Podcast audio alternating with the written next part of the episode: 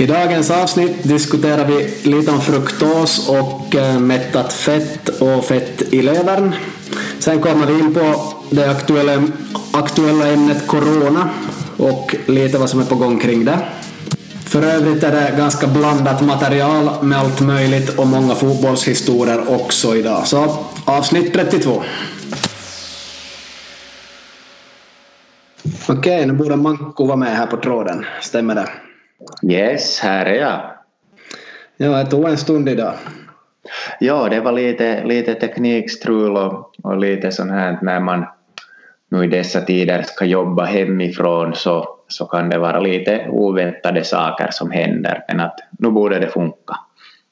Ja, det är ju lördag idag åtminstone så någorlunda ledig men är ju, det här barn sköter sig också.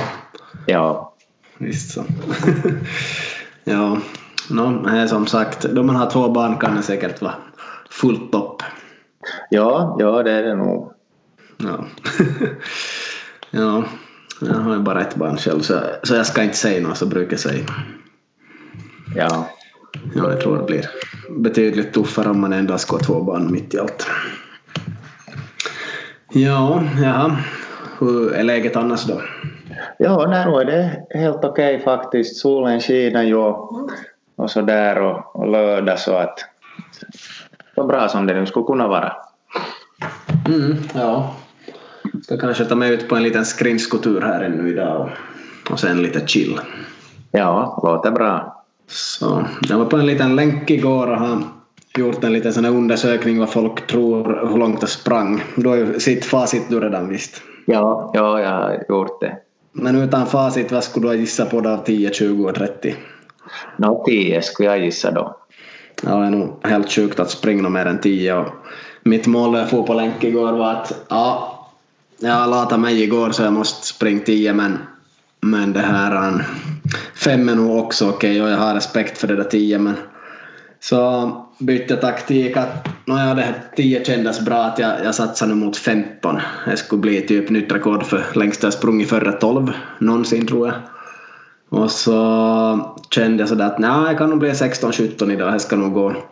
Då jag närmade mig det målet så skickade jag en kompis som brukar springa halvmaraton och frågade att hur långt är halvmaraton och vad brukar du ha för tid?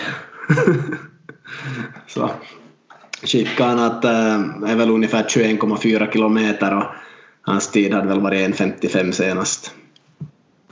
Så tänkte jag nog ja, jag ska göra mitt bästa och försöka fixa det här. Och så blev faktiskt sluttiden 2.24.49 eller något sånt. Ja, ja. Så det var ganska grymt. Jag var ju inte laddad för det alls. Jag hade inte innan på fyra timmar före jag får springa fyra, fem timmar. Och okej, okay, skorna var bra. Byxorna var kalla. Bara ett par byxor på ja, boxers och byxor. inga, inga annat som skulle ha värmt, bara sådana träningsbyxor. Och på övre kroppen lite tjockare så helt okej. Okay. Mössan helt okej okay, men inte något sånt material som skulle stöta bort svetten heller så det var nog ganska tufft på sitt sätt. Ja, ja. No, men bra att du kom, kom igenom. Ja, lite i gången framåt där. Fick ju nog stanna ett, ett par gånger och lite värma upp låren och baklåren med händerna och, och sånt kanske. Och, ja, inte vet jag. Kör lite höga knälyft och lite eh, klackarna i baken och sånt för att hålla igång benen men då jag började göra det med två kilometer kvar så kände jag att det började krampa i vaden så det var bäst att hålla sig lugn. Ja, ja, ja där på slutet så, så kan det nog börja dra. Sista kilometern sprang jag riktigt sakta och ändå var pulsen på 165 så det var nog en ny upplevelse kan jag säga. Mm. Ja, har du sprungit något liknande någon gång eller? Eh, först så, första gången jag sprang, det var lite motsvarande, det var en juldag för kanske fem, sex år sedan så, så det där äh, fick jag för mig, det var något som några av mina systrar hade sagt så då får jag på Pinchiv och sprang det där äh, som helt egenarrangerat halvmaraton och sen har jag väl sprungit också två, två, två av de här Vasa halvmaraton äh, då för, för ett par år sedan och kanske tre år sedan eller någonting sånt. Mm. Ja, jag tyckte minns något sånt, men det är nog ganska grymt. Vad har du haft för bästa tid på halvmaraton? Äh, ja, det var väl en 53 kanske. Ja, ja. Det är nog bra. Jag har nog ja. respekt för de som springer det här. De är nog riktigt tuffa, men såklart skulle man träna på dem skulle man ju bli bra på dem, de här sträckorna. Ja, det är ju just det att i, i, i sådana uthållighetsgrenar så det, man kan ju inte förvänta sig något mycket annat än det som man har tränat för. Att, att inte det är många minuter som man med kämpa kan bättra på en, en sån här tid. Att det är ju nog att träningen som, som gäller. Ja, så är det. Jag har sprungit en massa fem kilometers på gymmet där inomhus på matta i år med 1,5 mil lutning så jag ska ju motsvara där utomhus men det var lite annat än fem kilometer det här och att vara utomhus så är ju nog lite tuffare men samtidigt sprang jag på sådana ställen där jag typ aldrig har sprungit förr och, och så är det naturen och mycket att se på. Det var sol nästan hela vägen så det var ganska häftigt. Jag skulle nog aldrig orka springa så där länge inomhus. Nej, nej, nej, det är ju lite mer varierat ute. Ja, man fick nog peppa sig själv.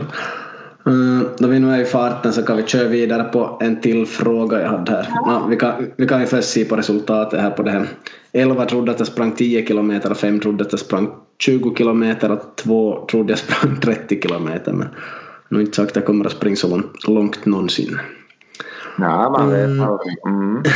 ja, vi kan ju köra på den här andra frågan samtidigt. Vad känns mer hälsosamt, godis eller chips? Vad känner du sådär spontant utan att fundera desto mer? Uh, godis. Ja, jag skulle hålla med om samma. Uh, det finns inget rätt och fel riktigt på den här frågan heller. Här ser jag att godis har 38 procent och chips har 64 procent. Ska se ungefär hur många som har varit med. Nu har jag nog en 15 personer ungefär. Uh, hur som helst så det som man kan se där är att att det som skulle prata för att godis är lite hälsosammare så det är just det här med, med mättat fett som vi har i chips. Så det, det är ganska ohälsosamt och stor risk att det sätter sig som fett på levern.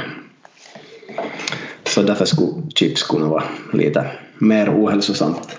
Och då tänkte jag ta en liten åsnebrygga över här till lite om fruktos och sånt här. En undersökning här direkt. Ska vi köra på det? Ja, låter bra.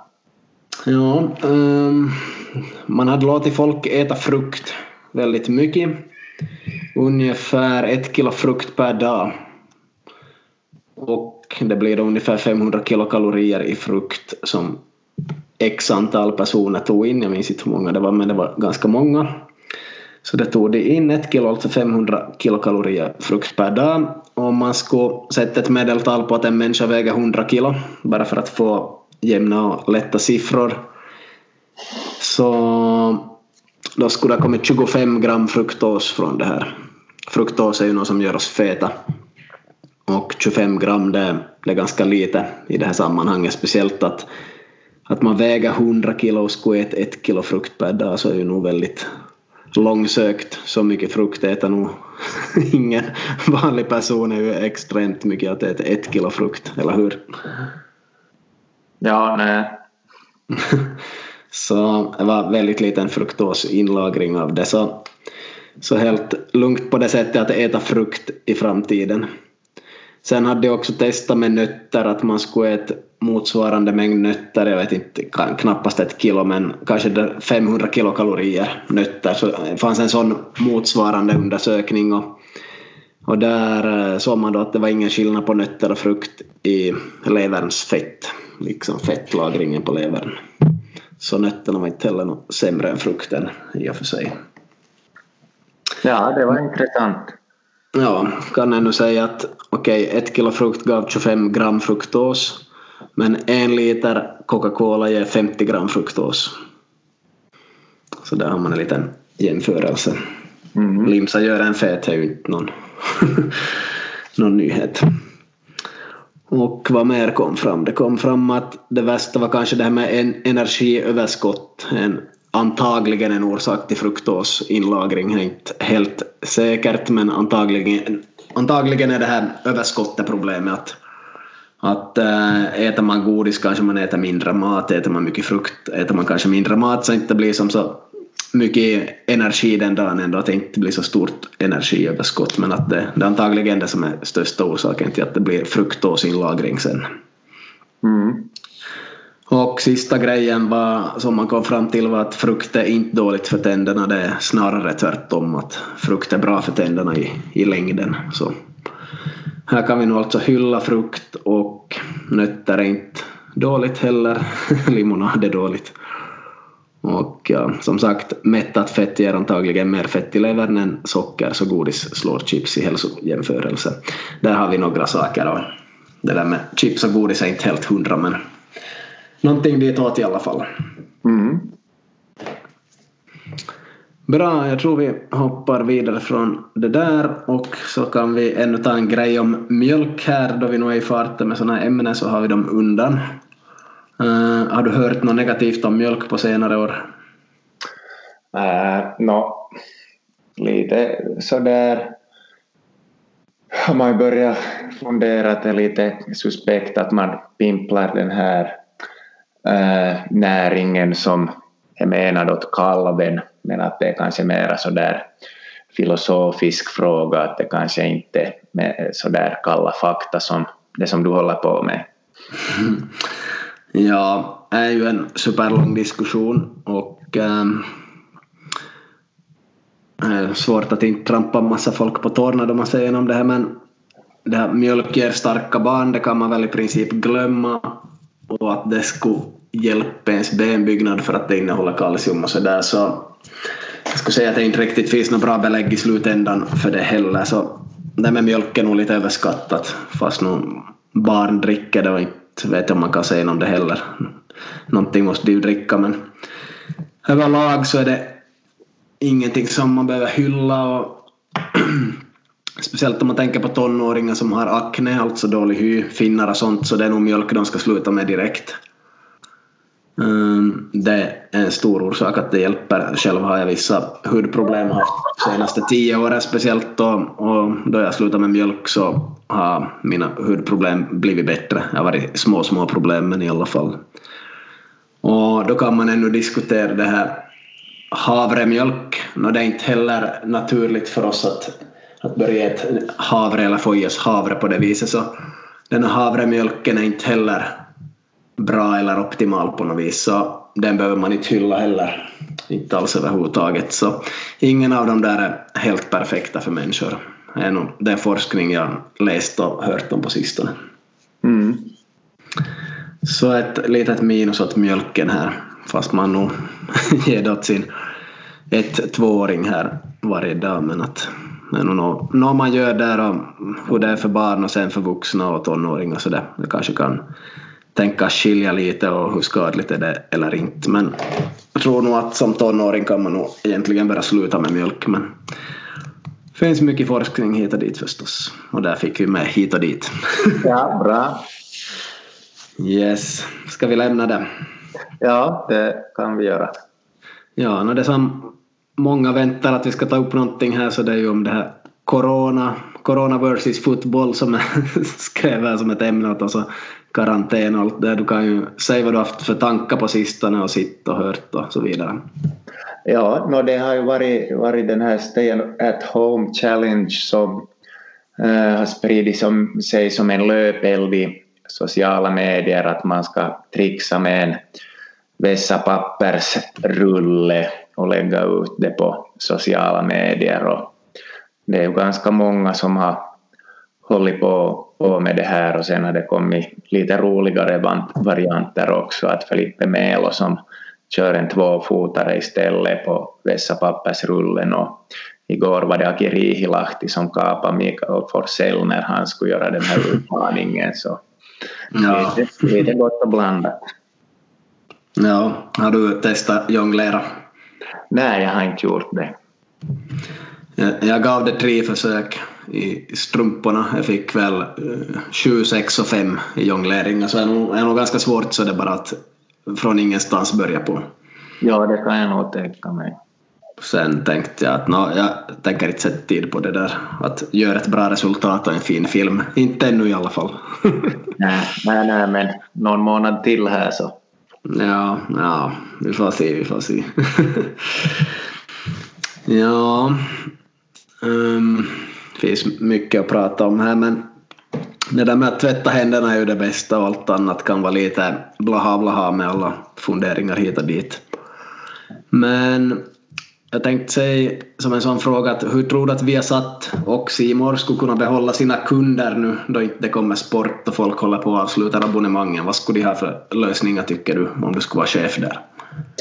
Ja, no, det är ju, ju just det att eh, kanske om de skulle ha några gamla matcher eller dokumentärer eller, eller sånt så men att sådana kan ju finnas också på andra sätt att få, få det där tag på så att det är ju nog en väldigt, väldigt knepig sits som de, de det där har hamnat i. Jag har nog inte några riktigt bra idéer.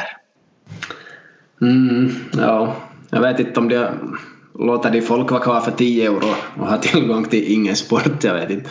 Eller det ja, är det. Det kom, det kom meddelande att det sänktes till 9,90 nu på grund av rådande omständigheter. Ja, no, ja. Jag skulle, skulle jag varit chef skulle jag i ett tidigt skede ha sänkt priset till 15 eller 20 euro och sett till att det sänds massa olika VM från förr i tiden. SVT Play har ju annars lagt ut VM-krönikan från 72 framåt. Om man bor i Sverige kommer man åt dem i alla fall. Verkar inte komma åt dem i Finland men jag skulle nog ha lagt in ett bra klart program med gamla matcher som folk skulle vilja se. Till exempel sände ett VM i gången på något vis senaste VM till exempel i fotboll och sånt och, och bakåt och sånt. Så på något vis tycker man ska kunna hålla kvar kunderna genom att göra ett bra schema, välplanerat med massa matcher och samma sak i ishockey förstås. Ja. Så de tappar nog kunder nu, jag vet inte hur de skulle kunna hålla kvar dem. Prissänkningen är ju bra förstås men lite mer företagsamhet skulle jag nog gärna sitta där.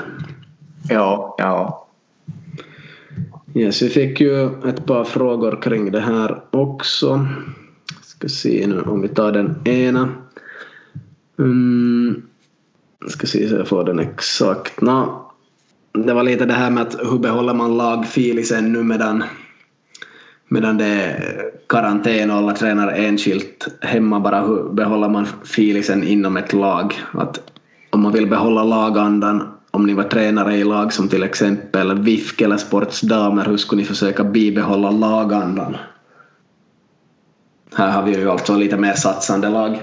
Jag förklarar redan att den här personen att i de lag vi spelar i eller coachar så där har vi så lite träffar i veckan annars också så inte kanske så så stor skillnad på att ha noll träffar istället för två just nej, nu. Nej. Och jag tror inte vi har någon kontakt desto mer att fundera på lagfilis. Men när man som brukar träffas fem, sex gånger i veckan så är det lite annat för dem. De borde kanske hålla upp det. Vad väcker det för tankar hos dig? Ja, nej, det har, vi har ju i, i Kungliga nog en sån här WhatsApp-grupp som, som där man håller upp lagandan och det är väl kanske något, något liknande nog som man skulle tycka att, att skulle, skulle kunna ge resultat. Mm. Ja. Någonting, någonting, någonting sånt, kanske just utmaningar och skicka in filmer där i den där gruppen. Ja, det är säkert ett sätt. Och ja, det är mycket utmaningar och sådär men att inte vet jag om jag kommer på något jättebra sätt men jag skulle nog vilja ha dem att kanske tävla lagvis eller nå på något vis ändå.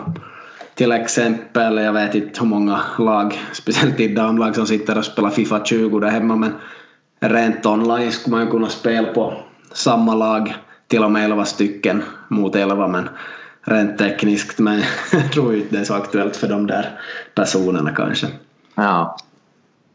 Men att kanske göra något spel online på något vis. Måste mm. inte vara FIFA, FIFA heller, men Fifa skulle ett sätt. Eller så är det två från laget som möts i en match som de andra kan se på online på något vis. Det skulle nog rent tekniskt gott fixa i alla fall. Ja. och något sånt. Så jag vet inte. Någonting via online-spel tror jag att jag skulle försöka fixa in i så fall. Mm. Sen känns kanske lite överdrivet att man inte kan träna alls som lag utomhus. Man behöver ju inte vara nära varandra.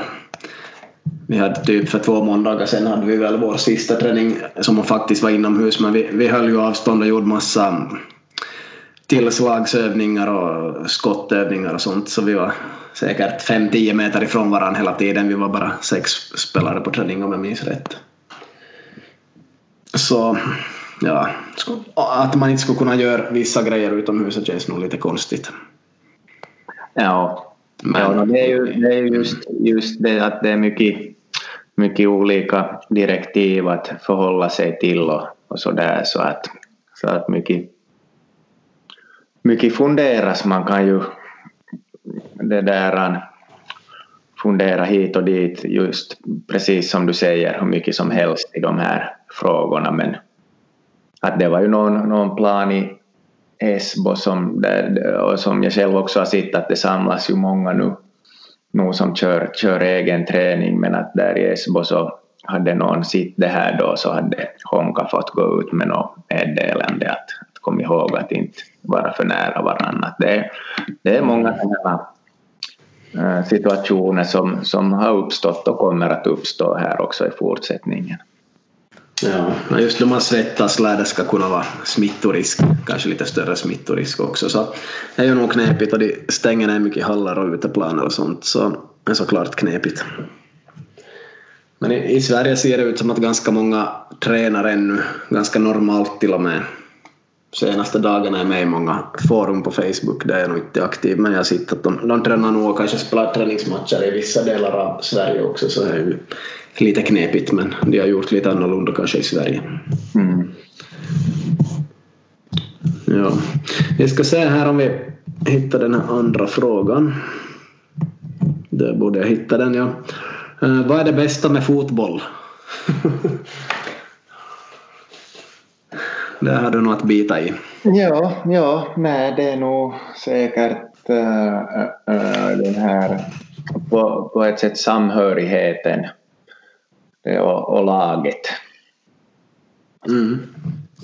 Skulle jag säga så där snabbt. Ja. Eh, jag funderar lite längre på den här frågan och är väl olika saker i olika perioder egentligen. Speciellt vinterhalvår är det viktigt för mig att hålla igång med någonting. Få bra träning, alltså hård träning för kroppen, må bra av det. Sen är nog den där lagfilisen alltid helt trevlig att ha. Sen tycker jag om tävlingsmoment så jag tycker om väldigt mycket på sommaren att det är tävling. Och ja, det kan som variera för mig i alla fall vad som är viktigt och trevligt med fotboll som spelare alltså. Mm. Kanske tävling på sommaren, hålla igång kroppen i bra trim på vintern. Kanske, kanske de två sakerna. Och så många, många olika saker här och där. Olika årstider. Håller mm. du med om det resonemanget? Ja. Att det skulle komma samma för dig kanske? Ja, ja. Samtidigt kan man ju säga att både jag och Manko kan jag nästan garantera att vi i vissa perioder är till och med trötta på fotboll. Händer säkert någon gång per år. Och då kan man vara riktigt uttråkad på den vecka, speciellt jag som jobbar mycket med det ibland och sådär. Men att då får man bara ta det som det och kanske, ja, skulle man vara spelare skulle man till och med kunna skolka en vecka eller sjukanmäla sig i värsta fall om man har riktigt lejdom. Men att sen vill man säkert komma tillbaka till det också och jag tror att det här kan hjälpa många juniorer att höra det här att man tycker inte alltid att det är jättekul med fotboll. Att det, det blir nog ibland lite tyngre rent mentalt att man tycker att det är tråkigt. Och det hör till kan jag säga, fyller 37 år i år. Det händer nog varje år säkert någon gång men eh, med åren lär man väl säga att man tycker nog om det innerst inne bara att det behöver inte alltid vara kul. Ja, nej, och speciellt nu, nu också när, när man kan få få eh, se all oändlighet på fotboll om man vill också när man inte tränar så det bidrar ju också till, till den här känslan kanske att det blir lite för mycket av det goda. Mm. Ja. Absolut. Vi får se nu hur länge coronakarantän fortsätter. Här är ju kul i framtiden om man hör lite hur det har varit eh, från och med i onsdags, idag är det lördag. Så fyra dagar har jag nu varit hemma från jobbet och jobbat hemifrån. Får vi ju se då. Tanken att det blir till 14 april, så nästan en månad. Eller var det 13?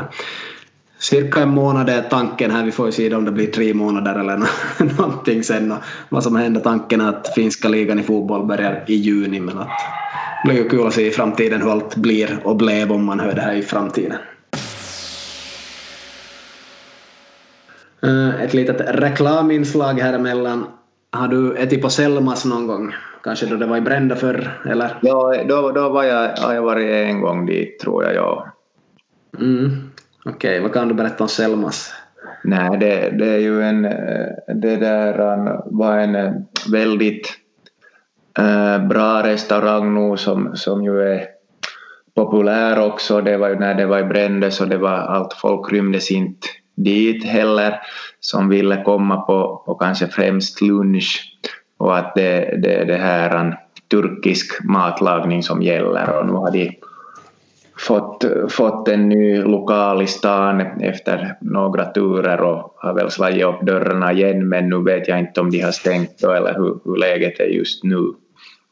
Ja, det verkar vara mycket hemkörning på gång just nu för Selmas. Och sån där turkisk buffé, sån där meses, eller vad det kallas, de små rätterna. Så det är nog väldigt gott och häftigt. Så jag har nog gjort ett samarbete med dem som de är nyaste samarbetspartnern.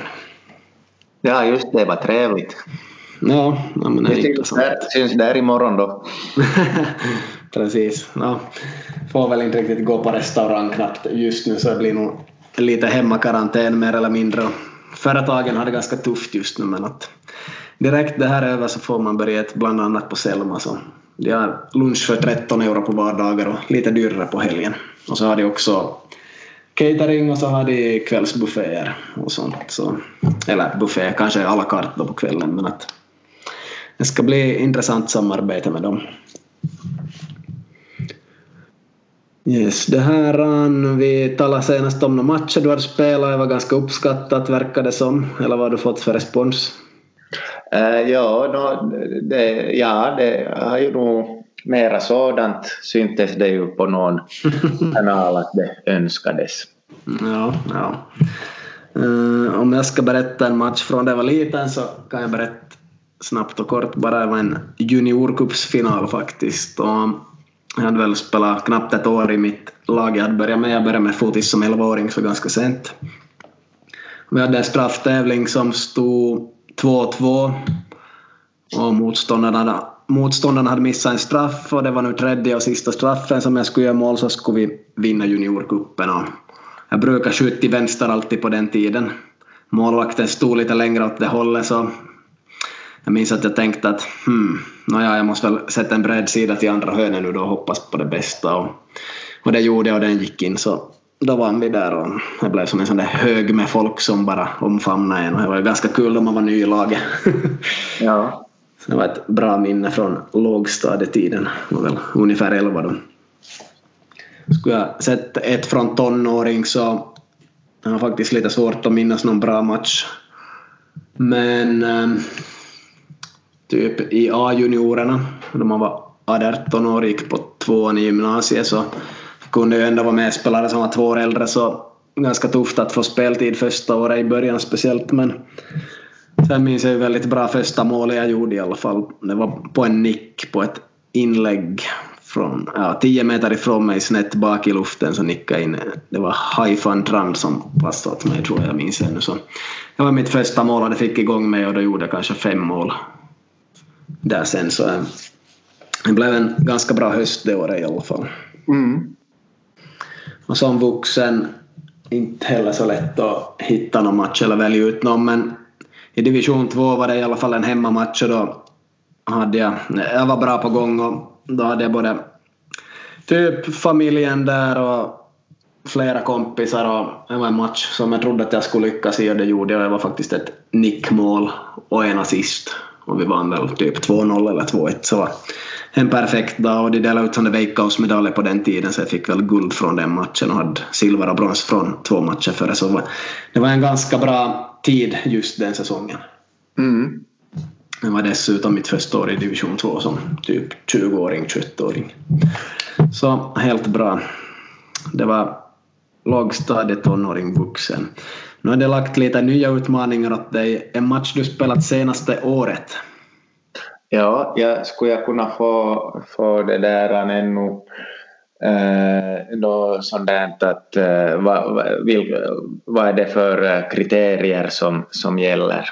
Ja, den här gången bara typ en rolig eller intressant insats eller match från din del senaste året. Har du någon sån du kommer på? Uh, ja, no, det var ganska rolig match då vi mötte Töjby borta i somras i division 4 och, och uh, det där, uh, vi, vi ledde väl 5 eller 6-0 efter en 20 minuter och sen i lokala pressen så gick motståndarnas tränare ut och sa att vi spelar i helt fel serie, alltså Kungliga. Att de vinner serien år efter år och tacka nej. Det hade, det hade vi gjort då säsongen före men inte nog alla säsonger efter det. tidigare så att, så att det var lite, lite intressant då att man fick och det var bra med publik där och, och så där och det var en ganska rolig, rolig match och så var det också då efter att vi hade gjort 1-0 efter en minut så kom vi till, eller kom någon till då att tröjorna liknar varandra för mycket så vi fick ta västarna på och då började det höras från publiken att det är väl 0-0 nu då ännu. så det var nog sådär snabbt en, en ganska rolig match. Det var ju liten mm. plan där och, och sådär och böljande spel så att det var riktigt roligt att spela. Ja. Mm, jag tar den emellan och sen får du lite betänketid för en annan match du spelat för din nuvarande klubb. Så den får du tänka ut färdigt. Mm, min intressantaste eller bästa match för mig i fjol var en förlustmatch vilket man kanske inte borde nämna. Man har förlorat och ändå kan vara positiv men en match mot Kuffen och det var hemmamatch och jag var ganska på G. Emellanåt spelade jag på sex stycken positioner. Kändes det som i alla fall. Sprang över hela planen hur mycket som helst och levererade passning efter passning efter passning och tyvärr förlorade vi väl med ungefär 3-2 eller någonting. Eller 2-1, jag minns inte. Men ja, att de som var där uppe gjorde inga mål och det var inte min roll men leverera passningar från nästan vad som helst på hela plan. Var nere och hämtade boll bredvid eget straffområde, spela upp den. Sprang upp fullt vad som med hela tiden. De andra hade inte så högt tempo denna matchen, vågar jag påstå. Så jag var faktiskt överallt och på ett positivt sätt, men inte på sista tredjedelen var jag. Och där gjorde vi inga mål och jag tyckte vi hade bollinnehav minst 70 procent. Så på många, många sätt var vi ju bra i denna matchen och bäst är man ju inte om man inte vinner förstås, men att det var en häftig match för min del för att det var jättemycket som lyckades och var jättemycket med i spelet med bollarna så det så är ju kul som mitten mittfältare men att resultatet var ju bra men det var superintressant och kul för min del ändå i själva matchen fast man som spelande tränare inte kan tycka om en förlustmatch. Mm. Ja, har du hunnit fundera? Ja, eh, det där, då kanske det blir Uh, också en match från förra säsongen, det var mot Vepsuji då jag fick, fick det där eh, chansen på, på det där eh, i anfallet och, och det där jag levererade väl ett plus två kanske i den matchen och det där i kanske tionde minuten så gav Kåre ett bra inlägg från vänsterkanten och så volley placerade jag in den med, med det där bredsidan i bortre det där äh, så, så att då fick jag det där äh, gjort ett mål men att det som man i den, den matchen fick märka då så det var ju nog det här med pressen som anfallare att det är nog inte, inte bara att stå där uppe att jag tror nog jag har aldrig varit så trött i någon match som, som i den matchen just att vilka passningsvägar är det man ska stänga av och beroende på då vilken eh, uppställning man själv har så, så att det där eh, det, var, det var också en intressant match nog. Mm, ja, bra. Eh, själv kommer jag egentligen inte på någon annan intressant match från i fjol. Det var, det var ett hårt jobb överlag bara. Mycket bryta och spela bollen vidare och sånt. Men att eh, i division 6 för något år sedan så tog jag ner en boll på låret 40 meter från mål, enligt egen utsago i alla fall. Titta upp mot målet, bollen kommer upp från halvvolley, drog på en full kanon som steg hela vägen upp i krysset mm. Division 6 men det var, det var, det var nog mitt finaste mål någonsin, kanske två eller tre år sedan. Tre år sedan säkert. Ja. Så det om det på Karpera plan. Annars har jag inte så mycket äh, minnen av mitt spelas på senare år. Yes, jag tror vi lämnar de här historierna och återkommer nästa gång till någon historia till där. Ja. Jep, och eh, jag hade skrivit en rubrik här, unga behöver inte bli tunga.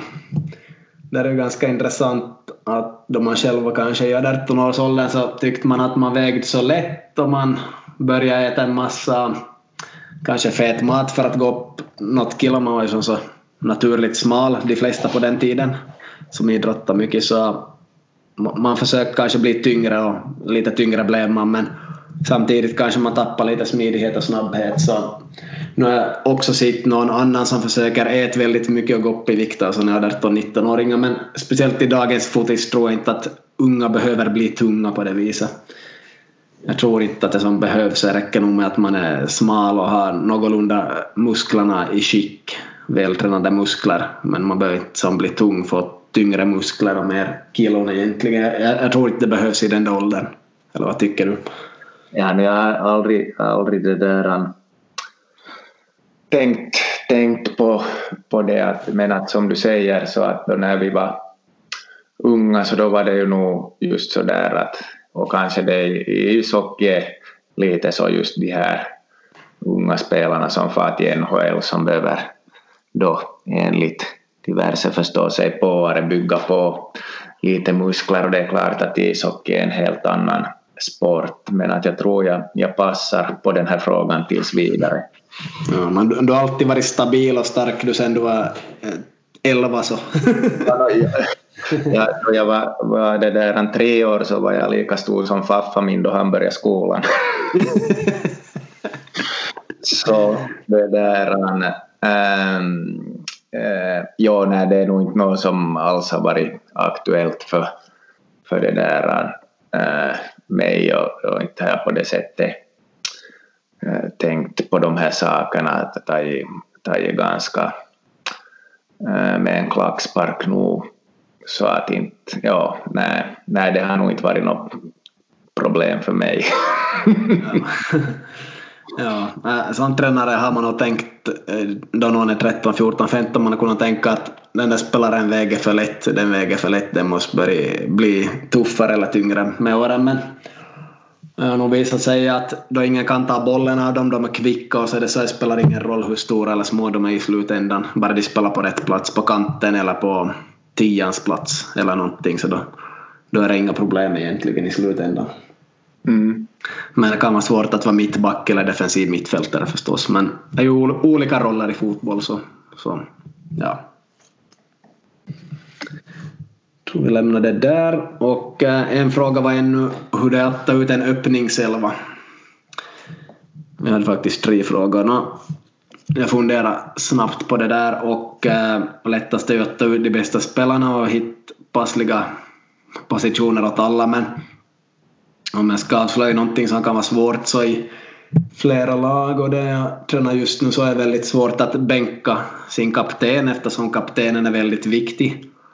Både för, eh, för att alla ska funka mentalt och, och annars sådär på plan. Vi har faktiskt en kapten som inte springer riktigt tillräckligt mycket enligt min taktik oftast så där har jag ett problem att jaga på kaptenen men samtidigt är kaptenen en väldigt viktig länk mellan mig och laget och mellan spelare och spelare så han är nog extremt viktig så så mycket som möjligt ska han vara på plan också fast han skulle vara sämst eller inte riktigt gör jobbet så ibland måste man lite se mellan fingrarna med saker och ting och kanske lite som att Ronaldo inte behövde jobba hem i alla klubbar så hårt på sin kant.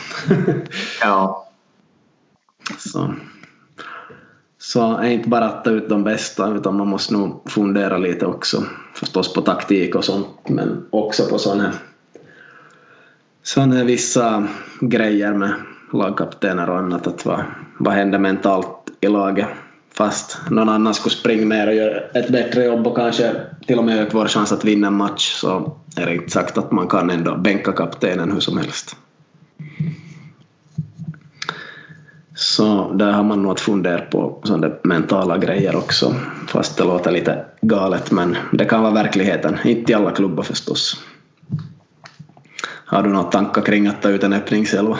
Ja, no, det är väl no, det där ähm, Precis, det är att, att är det, vad är det som är målet? Är det att, att, vi, att ha störst chans att vinna nästa match eller är det att ha, göra så bra som möjligt i en serie och så vidare? Att, att det är som jättemånga saker som jag tror att man, man måste det där, äh, tänka på just med, med eventuell rotation och, och så där så att äh, kanske mer att tänka på än vad gemene man tror.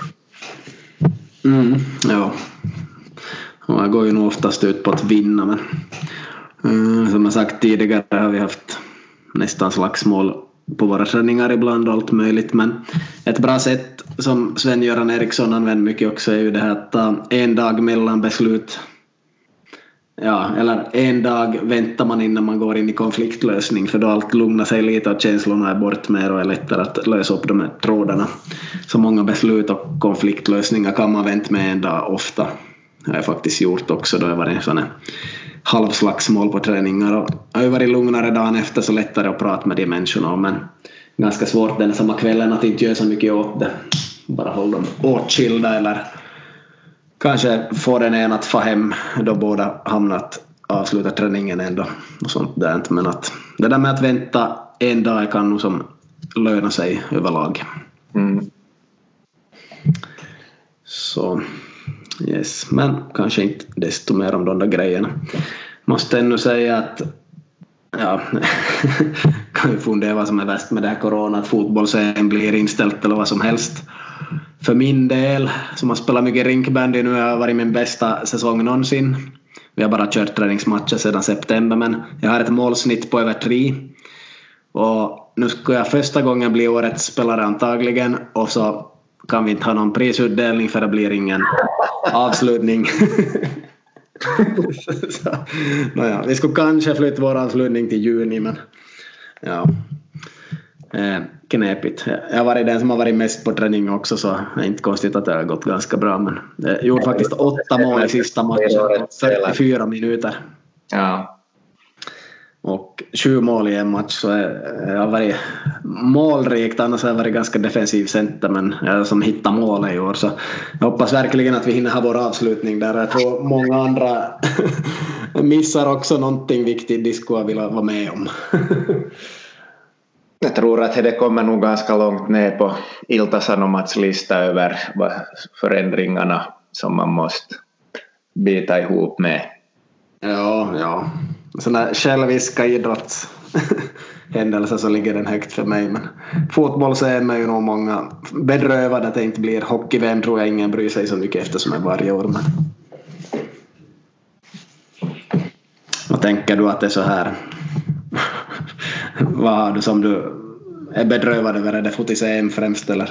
Ja, no, inte, jag har inte som tänkt, tänkt så att jag är numera sådär ganska flexibel att läge, läge är nu som det är och så får man, får man jobba på då lösningsfokuserat men att fast jag nu säger det så nu är det ju klart att man lite saknar den här vardagslunken att knäppa på en match nu och då där en kvart före tio en vardagskväll.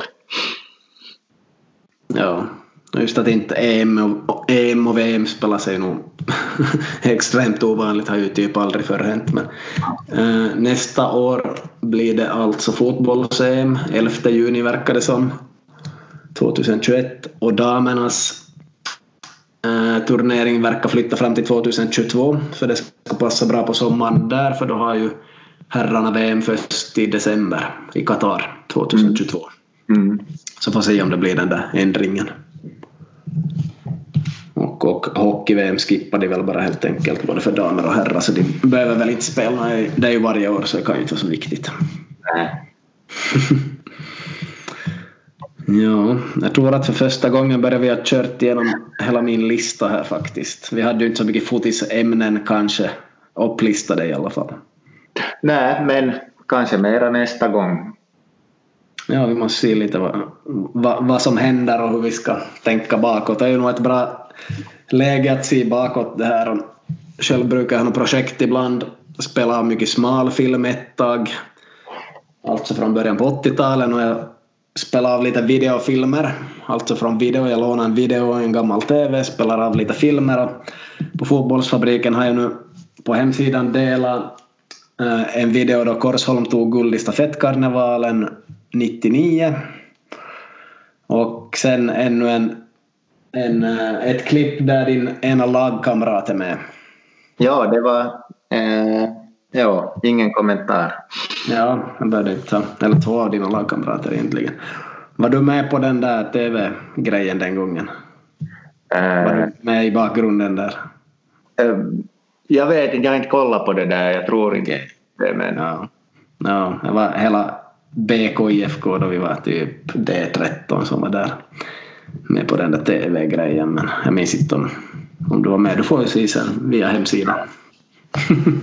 Kanske väcker några minnen. Ja, så främst de två klippen har jag delat lite också som är inspelade från video och med HD-kamera spelat från skärmen så lite sånt där roligt att greja på med. Har du något projekt eller är det mest film och jobb. Jag menar familj och jobb. det, är nog, det är nog mest film och jobb. Ja. film och jobb och familj och jobb. ja. Tänk att film och familj låter sådär lika. Ja, ja.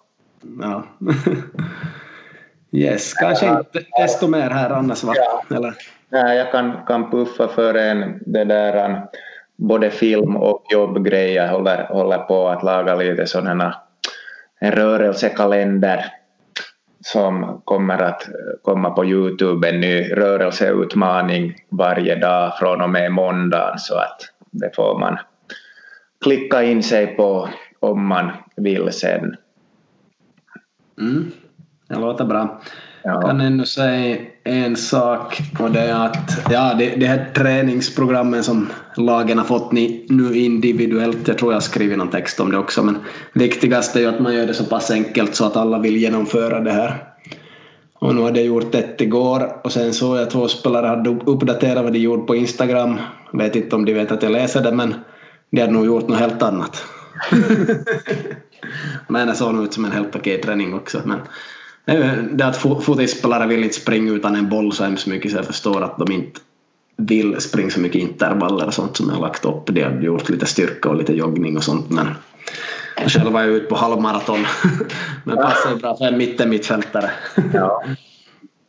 Så nej, men att göra dem tillräckligt simpla så att folk gör dem och sen kan man ju gör ett simpelt program på 15 minuter så får de välja om de orkar göra det ett eller sex varv då, till exempel. I, i, igår hade jag lite med telefonstolpar att gå en, jogga en, springa en och sen hade jag lite andra kombinationer så att det skulle bli tuffare vartefter.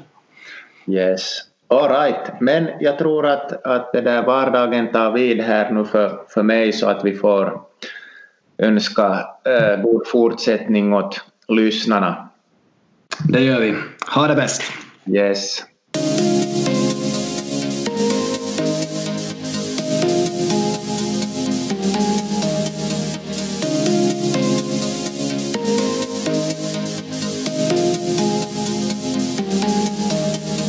Ja, som vi sa tidigare så presenteras det här avsnittet av Selmas. Det är bara att gå på selmas.fi.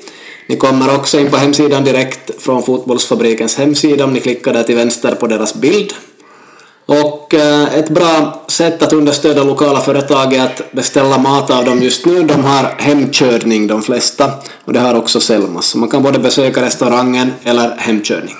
Samtidigt kan jag meddela att det är väldigt viktigt med, med samarbetspartners för det är ganska dyrt att hålla igång en podcast. Det kostar 100 euro per år i utrymme och sånt via Podbean där vi har uppe den här podcasten och det är många andra utgifter för fotbollsfabriken att drivas också med hemsida och alla möjliga projekt som pågår så väldigt tacksam för alla samarbetspartners som finns.